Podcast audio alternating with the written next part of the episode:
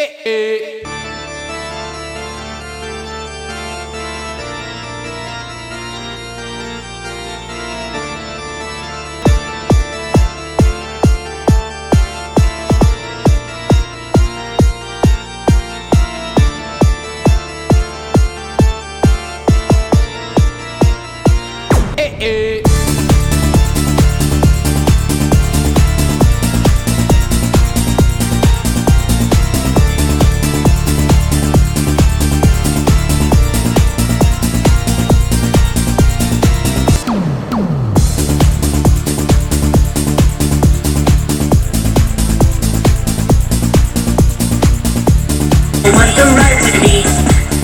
أصدقائي مرحبا بكم.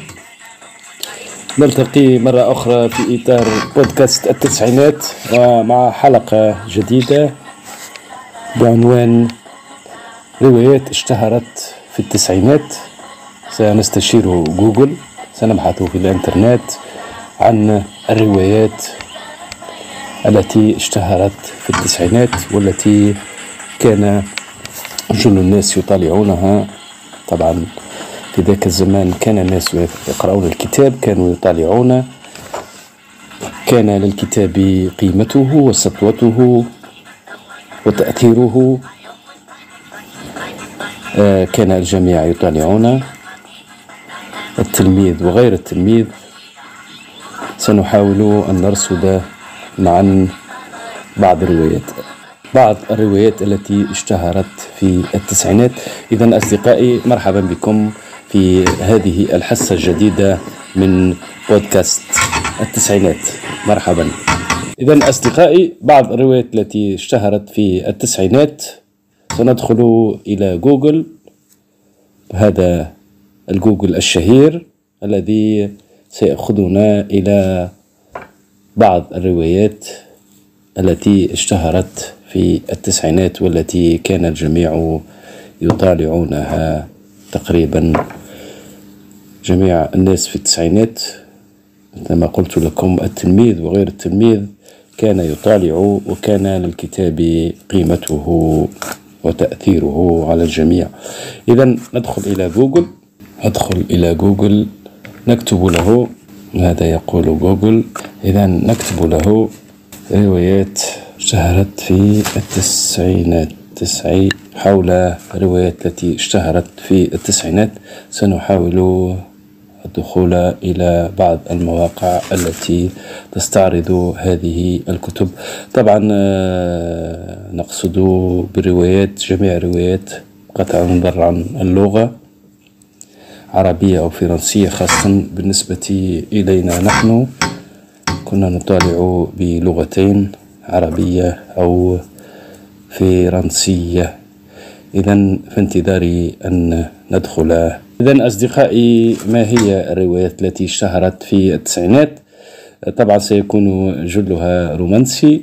في ذاك الوقت آه، كان الناس رومانسيين كانوا يطالعون الكتب الرومانسية الروايات الرومانسية الأغاني الرومانسية الشعر الرومانسي إلى آخره.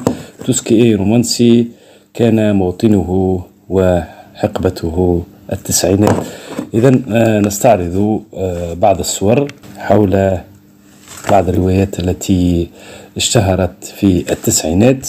ندخل إلى هذه. هذه أعتقد أنها كانت تسمى كتب الجيب وهي روايات ذات حجم صغير. كان بإمكان الواحد أن يضعها في جيبه لذلك نظرا لصغر حجمها. لذلك كانت تسمى ليفر دي بوش أو روايات الجيب إحدى الروايات التي اشتهرت في التسعينات بعنوان آه، رجل المستحيل عملية مونتي كارلو. آه، في ذاك الزمن آه، كانت الروايات البوليسية كذلك لها جمهورها مثلها مثل الروايات الرومانسية. كانت الروايات البوليسية لها جمهورها. هذه مجموعة كاملة لبعض الروايات التي كبر عليها الشباب الثمانينات والتسعينات في مصر. هذه رواية أخرى. طبعا كان جل الكتاب الذين كتبوا كتبوا روايات في ذلك الوقت. هم من الشرق العربي مصر من لبنان من سوريا. وبالنسبة بالنسبة إلينا من تونس كان كذلك بعض الكتاب قد اشتهروا واشتهرت كتبهم. إذا هذه هذه هذا غلاف أحدى الكتب التي اشتهرت آنذاك. أسطورة ملك الذئاب رواية جيب طبعا. هذه كذلك رواية من الروايات التي اشتهرت آنذاك. هذه رواية أخرى لغز الرسالة الطائرة. طبعا آه، كان الجميع يطالع آه، روايات آه، ذات طابع رومانسي وبوليسي وتشويقي إلى آخره. هذه الروايات التي كان الواحد يستطيع أن يطالعها في ليلة كاملة. يعني كان الواحد يستطيع أن يقرأها في ليلة كاملة وباللغتين العربية والفرنسية. في ذلك الوقت كنا مقبلين على الكتاب بنهم كبير. يعني أوبود كونت المطالعة كانت هي الشوى الأول والأخير ما عندنا حتى حل كان نقرو ونعبو روسنا ونعبو مخيخنا ونعبو قلوبنا بالكتب. بينما الآن هناك أكثر من خيار وأكثر من إمكانية. أنك تعدي وقتك وأنك تقضي أوقات فراغك. في وقتنا كان الكتاب هو الوحيد الموجود يعني عندنا شوا واحد نسير شوا وهو الكتاب. وكان كان أحسن أحسن ما وجد في ذلك الوقت هو الكتاب. لذلك كان إدمان جميل كان إدمان مفيد. آه، أن يدمن الواحد على الثقافة والأدب والعلوم والفنون إلى غيرها الموجودة في الكتاب. وكما يقال الكتاب أكثر من حياة والكتاب أكثر من عالم والكتاب أكثر من دنيا يستطيع الواحد أن يعيشها. إذا أصدقائي نواصل استعراض بعض الكتب والروايات التي اشتهرت خلال التسعينات.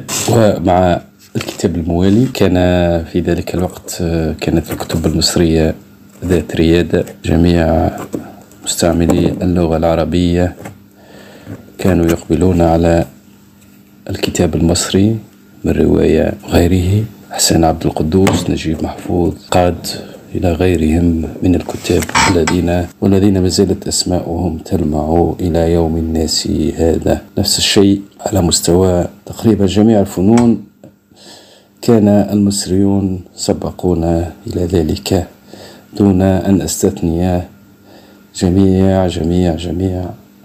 مستعملي اللغة العربية من جميع الأوطان كلنا في لغتنا وتونس كذلك لها باع وذراع في هذا الميدان. مع بعض الكتب مبحثنا في بعض الروايات التي اشتهرت في التسعينات مجلة اشتهرت في التسعينات وهي مجلة ماجد. مثلما اشتهرت مجلة عرفان عندنا في تونس. هذه مجلة ماجد كانت مجلة خليجية كانت موجهة للأطفال. أعتقد أنها لا زالت تصدر إلى الآن لكن ربما بشكل جديد وربما إلكترونيا كذلك هي موجودة. بعض الصور نعود إلى مبحثنا ندخل إلى هذا الموقع. نحاول أن نتعرف على بضاعته أجمل الروايات الرومانسية هذا الموضوع يقول الرواية الرومانسية هي نوع من أنواع الأدب الراقي والتي تعتبر من أكثر أنواع الأدب انتشارا وقراءة خاصة في العصر الحديث. وأول من ابتكر هذا الشكل من أشكال الرواية هو الأديب الفرنسي فيكتور هيغو هو أول من كتب الرواية حيث حولت الكثير من هذه الروايات إلى أفلام سينمائية حققت نجاحا هائلا. تغلب على الرواية الرومانسية قصص الحب والعشق ولا تصب اهتمامها على مشاكل المجتمع أو قضاياه كل ما هو رومانسي هو يحلق خارج المجتمع وخارج الواقع. رومانسي إيه، romantic. طبعا آه، رومانسي معناها هي يقصد بها روائي أو مشتقة من كلمة رواية ورومانتيك يعني رومانتيك يعني رومانسي. إذا آه، فهي تركز على العلاقات الاجتماعية السائدة بين الرجل والمرأة وأسمى المشاعر التي تجمع بينهما. بصفة عامة الرواية الرومانسية تقوم آه، بسرد أو بوصف أو برصد علاقة بين رجل وامرأة بين شاب وشابة. إلى آخره في إطار مواضيع الحب. يشير بعض النقاد إلى أن الهدف من الرواية الرومانسية هي تقديم شيء من التسلية والمتعة للقارئ ولكن هذا الرأي خاطئ إذ أن الرواية تقدم قضايا مهمة في المجتمع. يعني الرواية الرومانسية تناقش العلاقة الاجتماعية التي تربط بين الرجل والمرأة وعلى العلاقات السائدة في ظل هذا المجتمع. نعود إلى مبحثنا الأول تونسية نقشت في الذاكرة. ندخل إلى هذا الموقع التونسي. أعتقد أنه موقع تونسي جمهورية كوم هذا آه، يقول؟ عنوان المبحث روايات تونسية نقشت ذاكرتي من الدقلة في عراجينها إلى التوت المر. طبعا هذه روايات تونسية طلعناها جميعا. آه، كانت آه، سواء كانت مبرمجة في برنامج الرسمي برنامج دراسي رسمي أو كانت على مستوى معناها إكسترا نطالعها دون البرنامج الرسمي.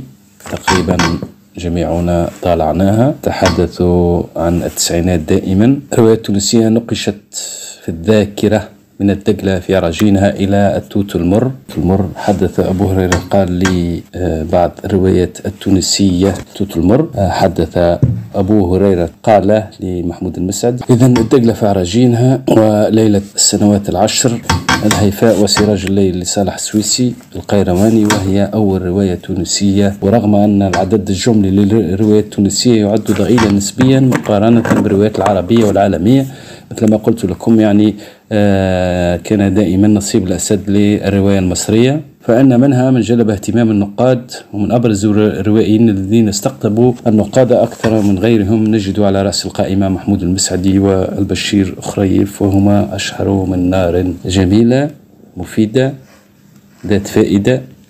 أنصحكم بمواصلتها. للتعرف على أكثر على الرواية التونسية وعلى روائيين تونسيين وعلى الكتاب التونسيين. هذه معلومات جميلة وجيدة توت المر محمد العروسي المطوي كذلك من الروايات التي اشتهرت بشهرتها كما كانت. سهرت منه الليالي لعلي الدعاجي ليلة السنوات العشر لمحمد صالح الجابري ربما في التسعينات أو قبل التسعينات. بودكاست التسعينات التي بعض الروايات التي اشتهرت في التسعينات بما فيها الروايات التونسية في هذه الحصة من بودكاست التسعينات.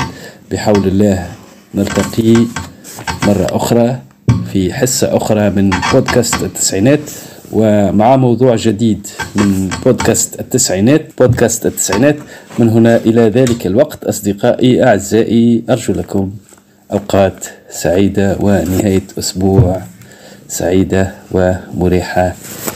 إلى اللقاء.